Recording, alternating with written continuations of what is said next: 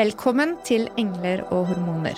Inspirasjon og ny kunnskap om helse, selvutvikling og livsstil.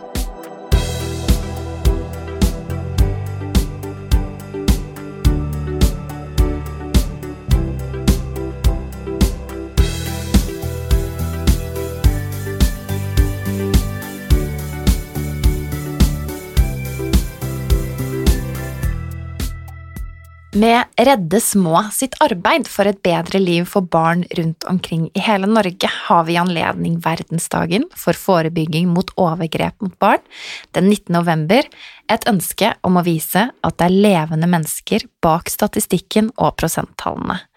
Å bruke Hvis klær kunne fortelle som utgangspunkt, slik at du og jeg lettere kan vite hvilke prosesser som skjer i samfunnet, i oss selv og i barnet og den overgrepsutsatte. Med oss i studio har vi invitert to inspirerende og kunnskapsrike damer som hver eneste dag jobber for barna og de mange av oss velger å ikke se. Kari Kilén, sosionom, doktor Filos og forsker emeritus, så mange flotte titler, men mest av alt interessert i barna sammen med Lene Katrin Hansen, barnehagelærer, og representant for reddesmå.no og frilans foredragsholder. Hjertelig velkommen, dere to. Ja, tusen takk. Vil du fortelle litt mer om ditt arbeide, for det er ganske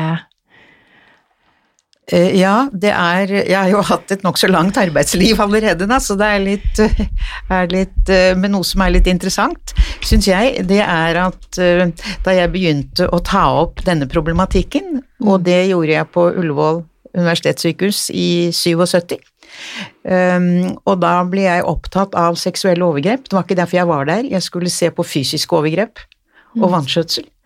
Uh, men så fornemmet jeg at det var andre ting der også. Og så tok jeg opp seksuelle overgrep.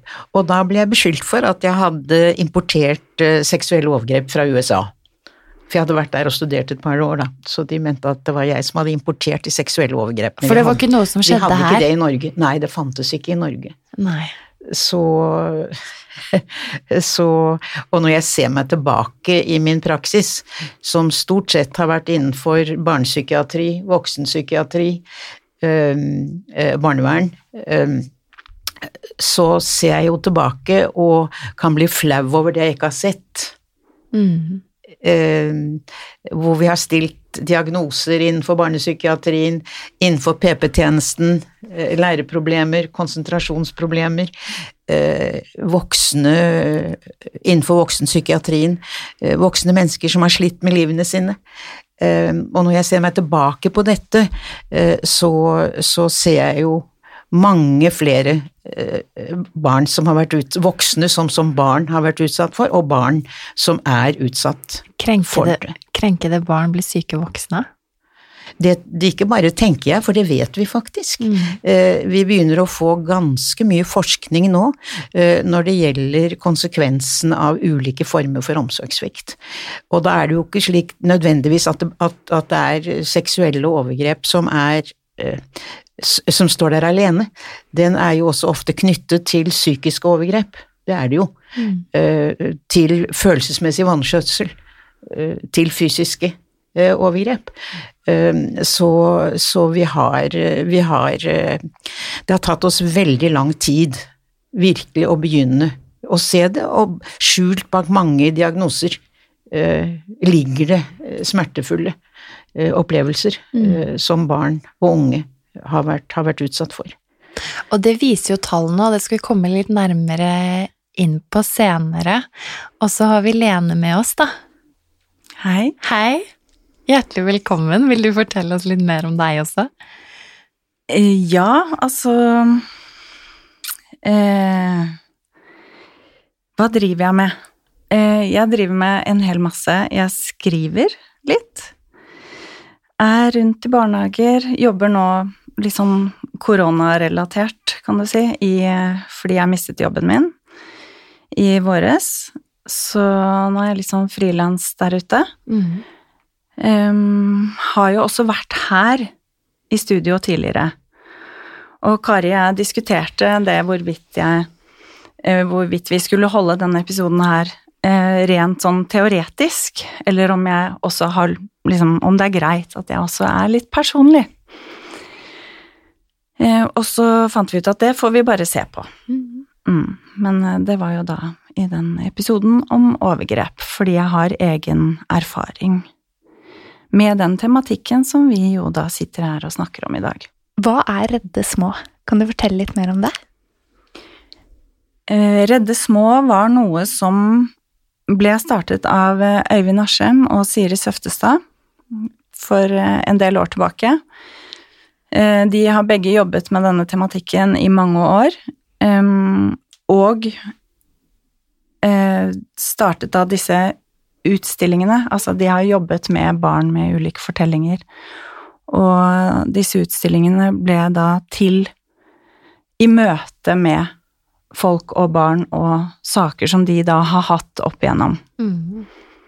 Og hvis klær kunne fortelle, er eh, utstillingene um, der klær som har tilhørt, eller tilhører barn eh, som har vært utsatt for overgrep, forteller barnets deler av barnets historie. Mm. Og i dag så skal vi prøve å overføre litt av den bevisstheten som kommer gjennom det arbeidet ut til lytteren vår som sitter hjemme. Og det er lett å la seg berøre av kunst, og dere er jo også begge forfattere og har skrevet bøker som vi kan lese.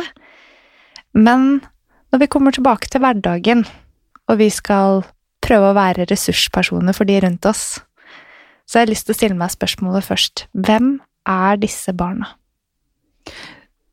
Det et Det krever et veldig langt svar. Det handler om mange barn. Um, Vi har ikke engang tallene når det gjelder de minste barna, eh, som ikke kan snakke. Um, Og som, eh, som, eh, som blir misbrukt uten at de vet det. Um, Det kan være en kjærlig bestefar eller en eh, kjærlig nabo, eller hvem det måtte være, eh, som, eh, som eh, misbruker barnet. Barnet forstår ikke at dette er galt. Eh, Men så sniker etter hvert den bekymringen seg inn hos barna, sammen med trusselen om at 'dette må du ikke fortelle til noe'. Og så kommer skam og skyldfølelse inn veldig, veldig tidlig. Um, Så dette er barn som da på ulikt vis kan, kan, kan vise at de er utsatt for det, men de vil ikke fortelle det til noen. Det man jo vet i dag, det er jo at de fleste venter jo til de blir voksne før de forteller noe. Um, og først da, når de føler at, at de har tillit til noen, og det kan være, det kan være, være venninner, det kan være um, det, kan, det kan selvfølgelig være, være fagfolk som de får tillit til, men det er ikke nødvendigvis Man får ikke nødvendigvis vite så mye ved bare å spørre. Jeg er blitt litt bekymret nå, for man er så opptatt av hvilken metode man skal bruke når man skal spørre. Um, og det er ikke, det er ikke alltid der da du får svar, Uh, for det er såpass mye angst hos barnet, såpass mye skam og skyldfølelse. Uh, de utsettes for, for trusler. Uh, sier du noe, så kommer jeg i fengsel. Sier du noe, så vil ikke mamma være glad i deg mer. Så det er noen, det er noen sånne motstandsvegger her som forhindrer barna i å få hjelp. Eh, Så det å spørre barn, eh, da er jeg mye mer opptatt av, eh, av den måten vi møter barna på. Eh, Vår interesse for dem. Vi ser dem. Eh, Og her har vi litt å lære fra spedbarnsforeldre. Eh, At vi simpelthen kan speile barn i alle aldre. Jeg har tenkt litt på deg de siste dagene. Jeg syns du har sett så, sett så lei deg ut. Jeg har følelsen at noe kanskje plager deg. Altså, man må bygge opp en tillit så barna føler at her er en som ser meg, her er en, som, her er en jeg kan stole på. Eh, Så får man, så får man vite det. Der har jeg hatt noen interessante erfaringer i forhold til tidligere nabobarn. Eh, hvor jeg begynte å få litt, litt, eh, litt eh, Ja, jeg følte meg utrygg på at de slett ikke hadde det så godt, og begynte å småsnakke litt om at jeg kjente mange barn, faktisk, som hadde my mye å være redd for. Så de var litt redde for å snakke med voksne, og det var ikke alltid at voksne heller ville høre på dem. Og da fikk jeg en erfaring fra at de begynte å fortelle meg om ting, ikke nødvendigvis alvorlige overgrep i første omgang, men faktisk noen viste seg å være det. Så det er, det er, Jeg er bekymret for denne veldig opptattheten av metoder i undersøkelse. Det er vår relasjon til barna, det gjelder også voksne. Det er jo det. Mm. Føler de seg trygge på oss, at vi vil dem vel, så er det det vi skal investere i. Og så vil vi da gi dem etter hvert muligheter til å snakke om tingene. Og da kan man etter hvert si til et barn, vet du hva, jeg kjenner veldig mange barn, jeg og de syns at voksne gjør så mange dumme, slemme ting. Eller hvordan man nå ønsker, ønsker å gå inn, og så, så vil da barnet eh, før eller siden kunne snakke om det. Så er det selvfølgelig en del dette som blir totalt forvrengt, altså fortrengt, eh, slik at det simpelthen det sover lenge i mange år, eh, inntil det kan dukke opp i mer traumatiske eh, situasjoner. Eller vi ser noe som vi vel først og fremst har blitt klar over nå, det er at barn også utsetter barn for seksuelle overgrep. Vi vet at, at, at gutter uh, utsetter småjenter, og jeg ble veldig overrasket over hvor omfattende de funnene er. At det dreier seg faktisk om en, en 25 uh, prosent Eh, av de småbarn som blir, eller av de som utsetter barn for overgrep, er, er unge barn. Eh, fra de yngste ligger vel på en sånn 12-13 år eh, som overgripere, opp til en sånn 16-17. Det overrasket meg, og det overrasket meg også at det var så mange.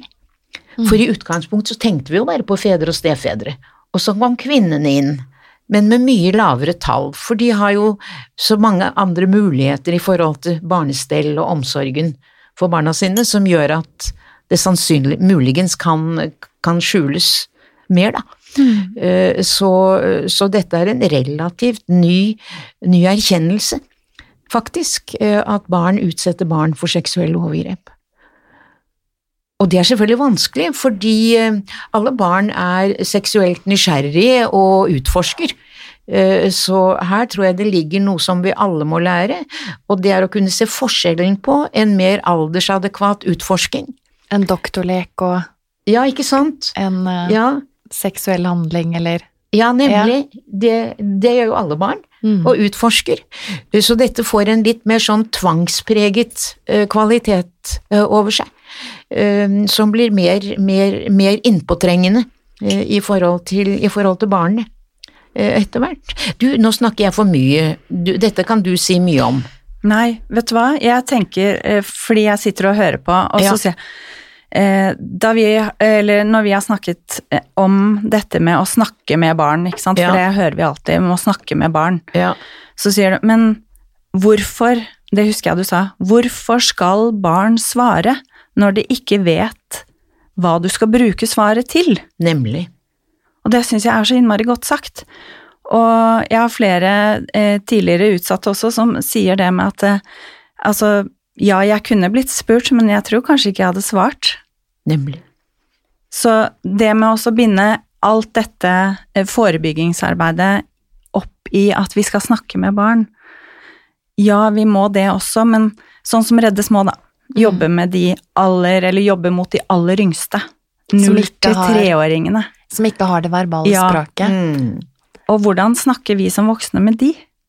Ikke sant? Altså, da må du jo lære deg å snakke med kroppen din, da må du lære deg mimikk, samspill, ikke sant. Altså alt dette her. Du må jo tenke mer på det enn det verbale. Vi er veldig opptatt av det verbale hele tiden. Mm. Og så tenkte jeg også på det du sa om eh, at vi trodde at det bare var fedre og stefedre tidligere. Mm. Og jeg husker du sa at ja, kvinner har alltid hatt bedre tilgang på barn. Jeg husker det gjorde så inntrykk. Mm. Men det er jo faktisk sånne måter å snakke på vi må bruke for at vi skal virkelig få det inn. Mm. At det skjer. Mm. Og alle kan være overgripere. Og alle barn kan være utsatt. For å gi et bilde, da, et eksempel fra denne boken og utstillingen Hvis klær kunne fortelle, så har jeg lyst til å bla over til side 51 i Hvis klær kunne fortelle. Så er det bilde av en blå hettegenser med bokstavene BGS skrevet i hvitt. Og genseren tilhørte en gutt som het Kristoffer. Og tittelen på teksten heter For sent. Jeg er en hettegenser som har tilhørt en liten gutt. I flere år var han redd for mammas nye kjæreste. Han prøvde å fortelle det til noen han var veldig glad i, men greide ikke å si fra så tydelig at det ble forstått. En dag var det for seint. Til slutt ble han så hardt skadet av mammas nye kjæreste at han døde. Kristoffer, som eide meg, ble bare åtte år gammel. Og det er kanskje mange som drar kjensel til en gutt som man har sett bilde av på nyhetene opptil flere ganger. Mm. Mm. Han har jo til og med fått sin egen bok. Vil du fortelle litt om Kristoffer, Lene? Eh, Kristoffer døde 2. februar eh, 2005 klokken 21.47 Mm. av skadene som var påført av en voksen. Eh, boken til Jon Gangdal har jo skrevet en bok om Kristoffer, om hele Som gir et helt bilde. Og det Kristoffer sa, var når, eh, når han ble spurt om eh, hva blåmerkene og alt dette kom fra, så sa han at jeg tenker nok at du skjønner det sjøl. Og det er ganske sånn betegnende for Altså sånn som Jon Gangdal skriver i boken sin, så sa han at eh, Altså, det var eh, mormoren, morfaren, Kristoffers far, eh, skoleassistenten, kontaktlæreren, overlegen, psykologen, barnelegen, sykepleierne, naboen og alle andre som burde sett. Gutten som ble sviktet av alle. Ja, Mm. virkelig. Eh, og han var åtte år, og igjen, altså han, han sa jo ifra med ordene sine, han, Mhm. men allikevel så hørte vi ikke. Og hva, hva, hva er det i oss som gjør at Jeg tenker at det må være veldig mange som har hatt en magefølelse der. Mm. Og altså Som de da eh, har kjent på underveis. Men hvorfor handler vi ikke på den? Mm. Kari. Der er jo, der er jo Ja, der sliter vi vel alle med, med dette, dette tabuet. Uh, og angsten for uh, Jeg tror det gjelder også angsten for, for, uh, for å komme inn i en situasjon som er problematisk, som er vanskelig. Eh, vi ser jo blant fagfolk hvor lett vi har for å skyve ansvaret videre. eh, Videre over til andre. Det er noen andre som skulle ha gjort noe. Eh, Så det er, det er motstanden på å, å gå inn og ta opp disse situasjonene, den er nesten grenseløs, altså. Det, det overrasker meg fortsatt, selv om jeg tror jeg skjønner det. Eh, Så, så, så fortsetter vi eh, å lukke, å lukke øynene våre. Eh, Vil du forklare litt om hvilke prosesser som skjer på en måte i oss, som gjør at vi tar den eh, avstanden, og hvorfor det fortsetter å være sånn fortielse rundt det, da? Ja, for det første så er det vel et gammelt og godt forankret tabu i samfunnet.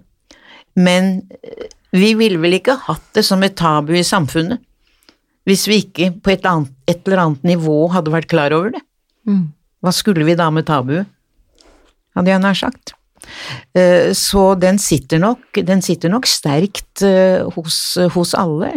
Og så ser vi jo i de familier hvor dette, hvor dette tas opp, eh, hvordan, hvordan ting blir kompliserte, relasjoner blir kompliserte, eh, bestefar ut, eh, snakker ikke mer, med vedkommende, og denne syns jeg har, jeg har observert i en del situasjoner hvor det har dreid seg om barn som har utsatt barn for overgrep, hvordan det på en måte eh, ødelegger relasjonene. Så kan du si, men det burde jo være uunngåelig, eh, for da burde vi jo hjelpe til med å reparere de som lar seg reparere av disse, av disse, av disse situasjonene. Eh, så vi har, eh, vi har veldig lett for da, og det gjelder jo omsorgssvikt i det hele tatt, syns jeg, mm. at vi har veldig lett for å plassere ansvaret på noen andre. Hadde bare ikke helse, syk, helsesykepleier sett noe, hvorfor gjorde ikke hun noe? Det er nok den største utfordringen vi har her, mm. for jeg syns vi har nå begynt å få veldig mye forståelse av det. Eh, delvis fordi flere som har vært traumatiserte av seksuelle overgrep selv, har fått behandling opplevd en utvikling eh, hvor de selv har fått god hjelp, og det blir jo en viktig motivasjon for å hjelpe andre. Så, så jeg tror vel at vi, at vi Jeg tror vi er inne, inne, i en, inne, i en, god prosess nå, fordi vi har også en del norske undersøkelser som viser f.eks. at én av fem kvinner uh, har, vært, uh, har, vært, utsatt for seksuelle overgrep i sin, i sin barndom. Én uh, av ti Eh, menn har vært utsatt for seksuelle overgrep. Eh, og dem har vi vel ikke kanskje vært fullt så flinke til å se. I forbindelse med det å tolke barns eh, kommunikasjon, så, så kan det også være vanskelig for en som ikke er fagperson dere, som dere, fordi jeg skjønner jo at her har det vært litt diskusjon i fagmiljøet rundt hvilke måter man skal gå frem når man skal ha samtaler med barn Heldigvis så er det det hele tiden, ja. og det bør det fortsette å være. fordi at det finnes jo ingen enkle svar. Det her er så komplekst og sammensatt, og det er Hvert barn er forskjellig. Så ja. Ja, så dere til og med, ikke sant. Men sånn ja. som, eh, som, oss som da kanskje er nærperson, da, eh, mm. til eh, mm. venner til barna våre, eksempel. Eh, ja. Kan det være litt fristende å undertolke signaler? Altså, jeg tenker dette med å ja, det er jo litt brysomt å skulle gå inn i en kompleks situasjon. Mm. Vil vi da ha en tendens til å bagatellisere det vi ser? Helt klart. Det, det, det kan, tror jeg helt sikkert. Mm, det kan du si masse om, Kari. vi vil bruke all verdens mekanismer, ikke minst å bagatellisere det. Mm. Ja ja, de vokser det av seg, og det blir, det blir Og gjør vi noe her, så blir jo alt bare så mye verre. Så det er best, det er best å la det være. Eh, jeg tenker på et barn som viser i barnehagen f.eks. en seksualisert atferd. Ja. Um, og da blir det jo viktig her at barnehagelærer vet forskjell på uh, seksuell utforsking og nysgjerrighet uh, og det som er et barn som har opplevd å være utsatt for seksuelle overgrep. og da tror jeg vi blir, jeg tror vi blir engstelige og, og lar være å gjøre noe med det. Altså, vi benekter det, bagatelliserer det, bortforklarer. Det ansikt som dukker opp i mitt hode nå, det er sikkert ikke tilfeldig. Da jeg, da jeg var ferdig med artium, så kom jeg ikke inn på lærerskolen, for jeg ville egentlig bli lærer, men så fikk jeg jobb på et behandlingshjem. Og bare det å ansette en totalt tomt hode på et, behand på et behandlingshjem for barn, for psykisk syke. Men den som dukker opp der av dette barnet, hun, hun ble borte, hun dissosierte i undervisningen. Jeg visste ikke at det het dissosiering den gangen, hvor vi bare kobler ut andre mennesker og det som foregår, og så blir vi fjerne, eh, fjerne i blikket. Um, og hun, hun, dissosierte stadig, og da fikk hun diagnosen petit mal. Som betyr?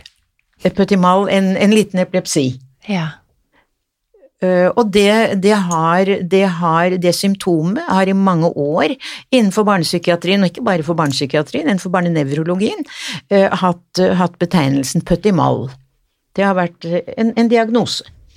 Men når jeg ser tilbake på dette ansiktet, det er merkelig at hun dukker opp så mange år etterpå. Jeg var 19 år den gangen, og det var de barna som, som fikk meg til å gå denne veien, for jeg tenkte sånn skal ikke barn ha det. Mm. Sånn skal ikke barn være. Og hun bare ble borte, og hvis jeg tenker på andre som ser eh, som hva kan vi lære av henne? Jo, alltid passivt tilbaketrukket, aldri deltakende i andres lek, i sin egen verden. Altså barn som er i sin egen verden, det er jo barn som har et eller annet som de har, har det vondt med, og som de forsøker å skyve unna både seg selv og andre. Um, og så har du liksom motstykket til de passive som trekker seg tilbake, um, som veldig lett uh, kan, kan avreagere aggressivt på andre, for eksempel. Uh, dette er jo ikke bare når det gjelder seksuelle overgrep, men når det gjelder omsorgssvikt og overgrep i det hele tatt, så ser vi jo de to utgavene på en måte. Det er det overdreven tilpassede barnet som aldri skaper problemer, som hjelper de voksne i barnehagen, som påtar seg en omsorgsrolle i forhold til andre. Da er det grunn til å være bekymret. Like bekymret som når man har det barnet som forflytter all sin aggresjon på de andre barna. Så, så, det er noe med å kunne se de to uh, veldig vanlig uh, Syns du ikke det at det, at, det at det, er de vanligste eksemplene vi får? Så vil de være preget av seksuelle overgrep mer eller mindre avhengig av den type overgrep de har vært utsatt for? Eller hva tenker du? Um, jeg syns det er veldig vanskelig å svare enkelt på det, fordi at jeg, jeg syns at jeg har sett så mange ulike smerteuttrykk. Ja. ja. Så jeg vil, eh, og i hvert fall i en podkast, eller når vi liksom skal føre noe kunnskap videre, så vil jeg ikke gi sånne enkle ikke, Nå sier jeg ikke at du går etter enkelt svar, men at det blir sånn veldig sånn Generaliserende. Yes. Mm. Eh, så det er veldig Det kommer til uttrykk på mange måter. Mm. Men det er fine, fine eksempler. Og så blir jeg igjen sittende og tenke på da spørsmålet ditt, fordi du sier at du som hvilken, Hva slags ressurs kan du være? Mhm. Og er det sånn at vi ofte unngår å gå inn i sånne type situasjoner? Eh, og det, det er jo veldig vanlig. Fordi Og jeg tror jeg sa det forrige gang jeg satt her òg, faktisk, at vi vil helst være venner med alle.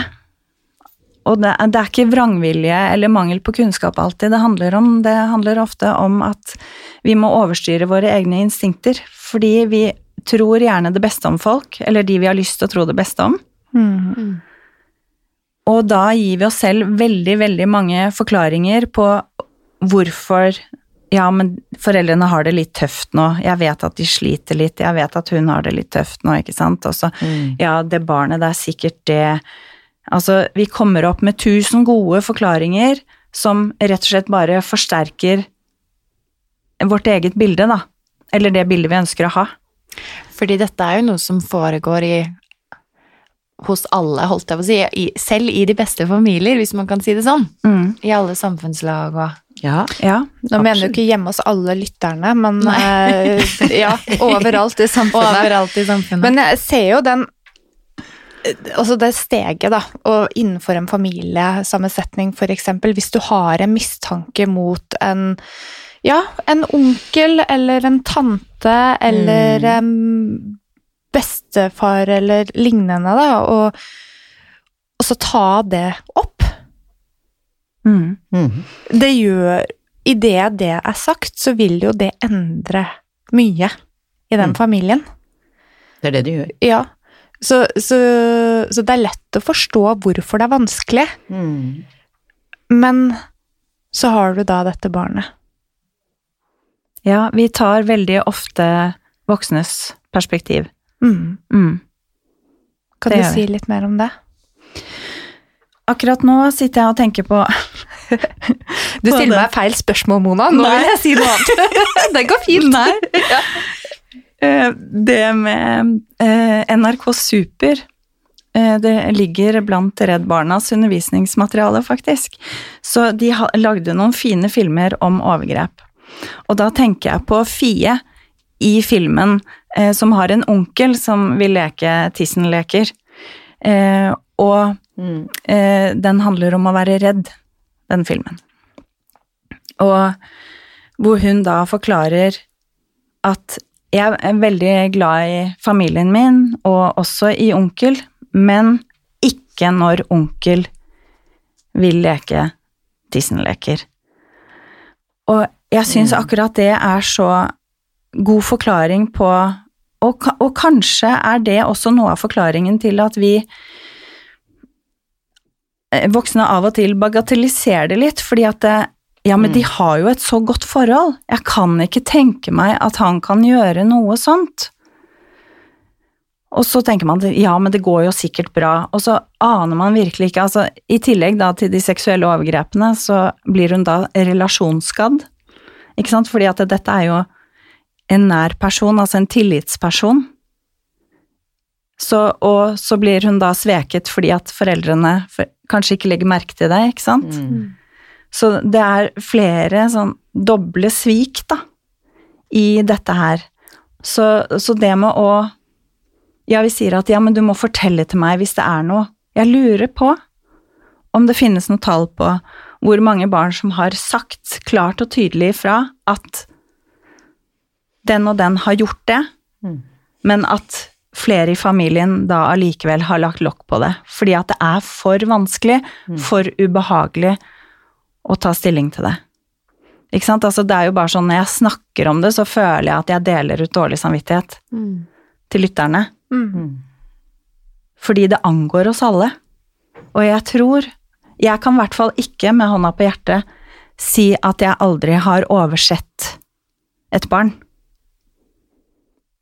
Og, og jeg tror også at det at jeg Man skulle jo tro da at siden at jeg har vært utsatt selv, så skulle man jo tro at jeg da som barnehagelærer i tillegg ville være ekstra våken og ha alle argumentene klare. Men jeg opplever heller at det har gjort det litt vanskeligere for meg. Mhm.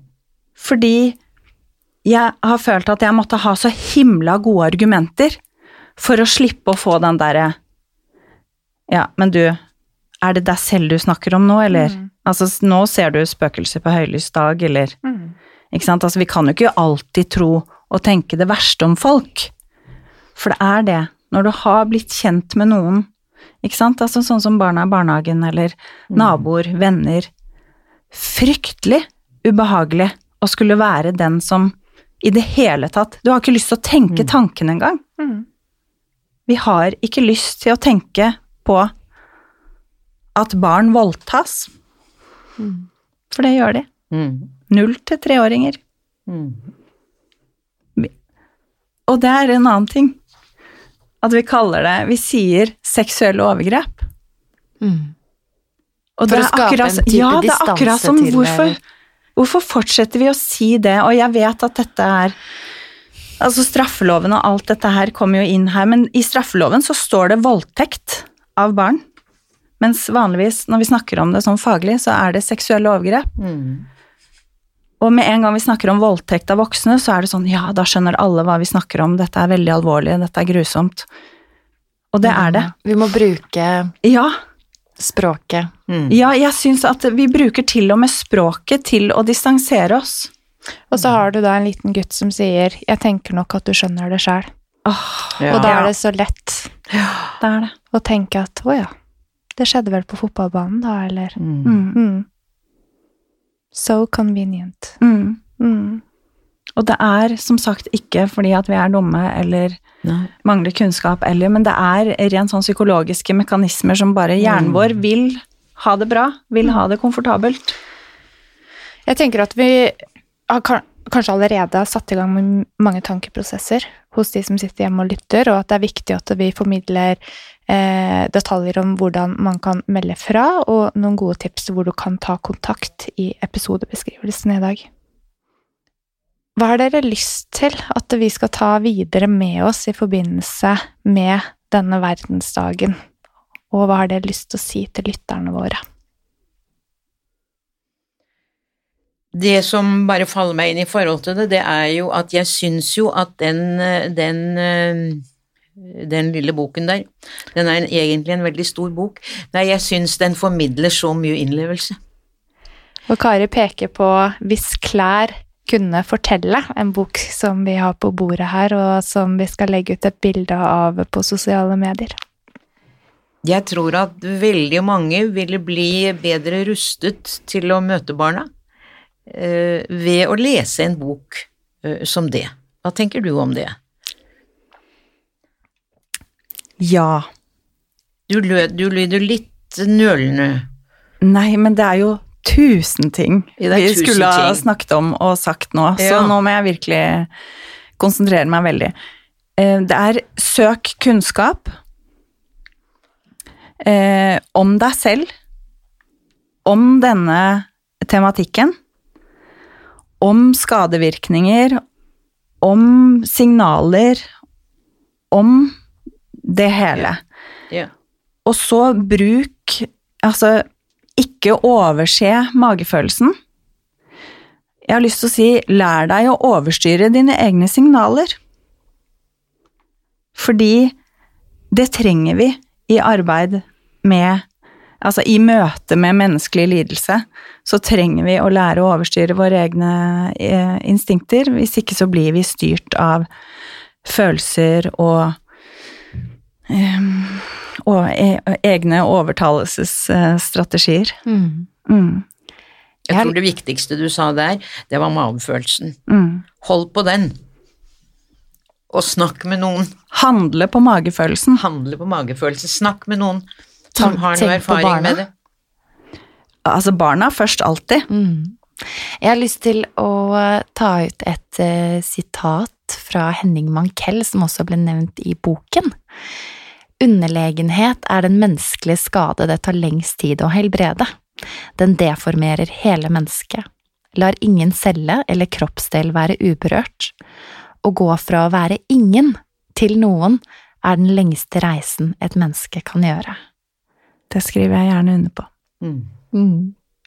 Barna først alltid. Ja. Hjertelig takk for at dere tok dere tid til å komme i studio. Takk for at vi fikk komme. Takk for at vi fikk komme. Ha det bra. Ha det.